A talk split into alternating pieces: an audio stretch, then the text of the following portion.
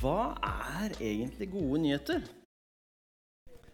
Ja, gode nyheter. ja. For noen kan det være gode nyheter kan være Å, det er så mye snø, skolen er stengt i dag. ikke sant? Det kan være en god nyhet for noen. For andre er det kanskje ikke en godhet. Og så kan gode nyheter være Å, halloween er avlyst. Nei, for noen er det gode nyheter, for andre er det ikke så gode nyheter. ikke sant? Så gode nyheter kan være litt forskjellig for oss eh, her inne. Og det er jo mange dårlige nyheter om dagen, sånn som vi hører fra på, på, på nyhetene og sånne ting. Men jeg har lyst til å, snakke om Jesus og noen gode nyheter som han, han kommer med. Fordi Jesus, når han begynner sin eh, oppgave på jorda, så sier han tiden er inne. Guds rike er kommet nær. Vend om og tro på evangeliet.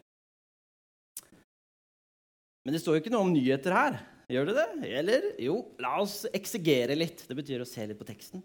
Grunnteksten, da, der står det nemlig evangeliet. Det ordet som blir brukt der, det, er, det betyr de gode nyhetene. Altså, la oss lese det igjen. Vend om og tro på de gode nyhetene, sier Jesus. Men Jesus, hva mener du? Hva er de gode nyhetene? Jo, la oss gå videre til dagens vers. Eller de gode nyhetene er jo Jesus. Det er jo at han døde på korset. Det er kjærlighet. Det er de gode nyhetene. Korset er lik kjærlighet. Og dagens tekst sier litt mer om denne kjærligheten. Den som Leonora leste for oss. Ja, dette er kjærligheten. Ikke at vi har elsket Gud, men at Han har elsket oss og sendt sin sønn til soning for våre synder. Men la oss eksegere litt her òg. Kjærlighet det nevnes tre ganger. Men på norsk Norsk er et fint språk, altså, men vi har f.eks. veldig mange ord for nedbør. Sånn som nå. Er det snø? Eller er det, er det sludd? Eller Ja, ikke sant? Det er mange ord for nedbør. Men for kjærlighet så har vi bare ett, et ord. Det er eh, elske, eller kjærlighet. Men på gresk, vet du, som er et sånn uff, bra språk, vet du, der er det faktisk tre eller fire eller mange ord for uh, kjærlighet.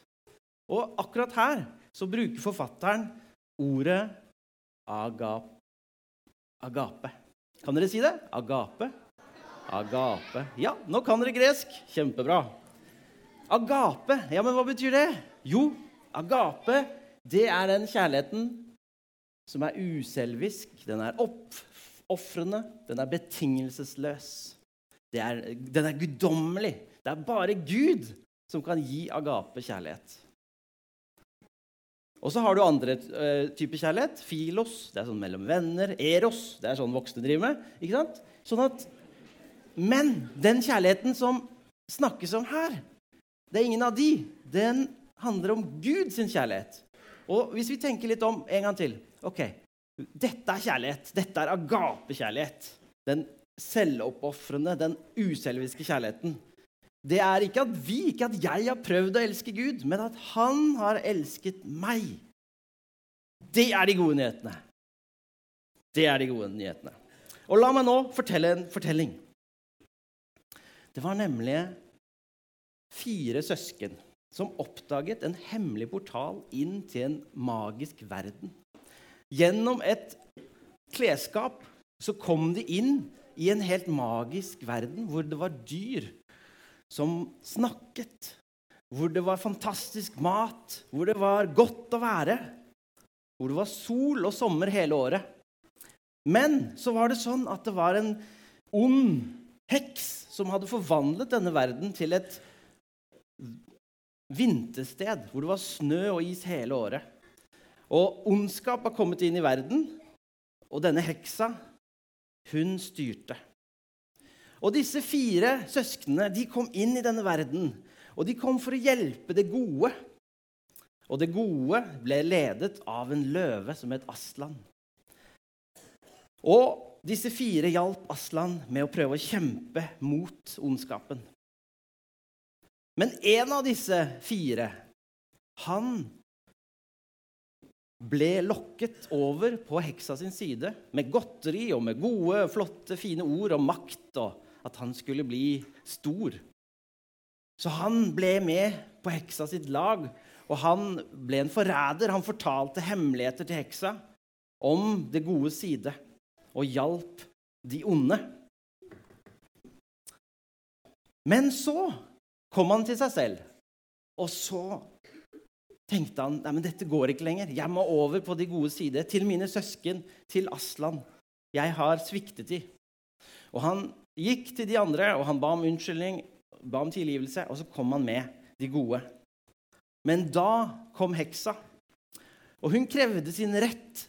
For i lovene i det landet så sto det at alle forrædere, de måtte dø. Det var en rett som heksa hadde. Og Aslan, han som var leder for det gode, han kunne ikke nekte henne det. For det sto i loven. Så han måtte godta at Edmund, han som var forræderen, han måtte dø. Men Aslan han godtok ikke det. Aslan gjorde en avtale med heksa. Han byttet plass med Edmund, sånn at han, Aslan, ga sitt liv for at Edmund skulle leve. Og nå skal vi se hva som skjedde. For dette her er jo en film som heter Narnia. Og nå skal vi se scenen hvor Aslan er død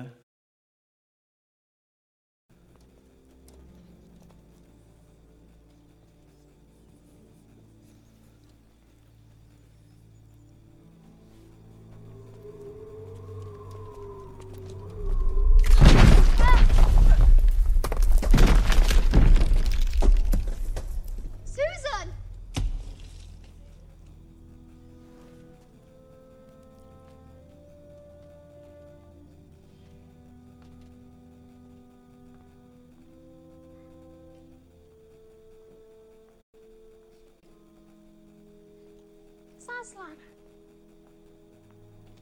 What have they done?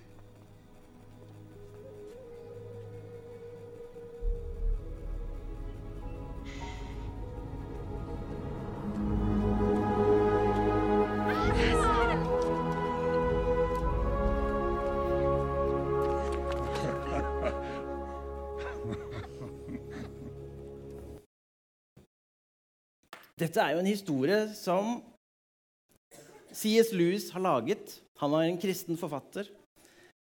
Og Han lagde denne historien om Narnia. Og Da brukte han Jesus, fortellingen om Jesus som inspirasjon. Og vi kjenner igjen at Aslan må jo være Jesus, eller Jesus er Aslan. Og det er jo dette som Jesus gjør med oss.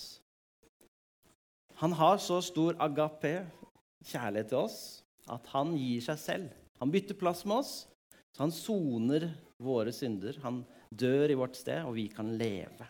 Og etterpå skal vi feire nattvær. Og i nattvær så får vi komme fram og ta imot denne gaven. I tro kan vi rekke hendene fram og bare ta imot nåde i fast form. La oss be. Kjære Jesus, takk for at du elsket oss så høyt at du ga din sønn Jesus for å dø i vårt sted, og at vi kan leve. Hjelp oss å dele disse gode nyhetene med alle vi møter på vår vei.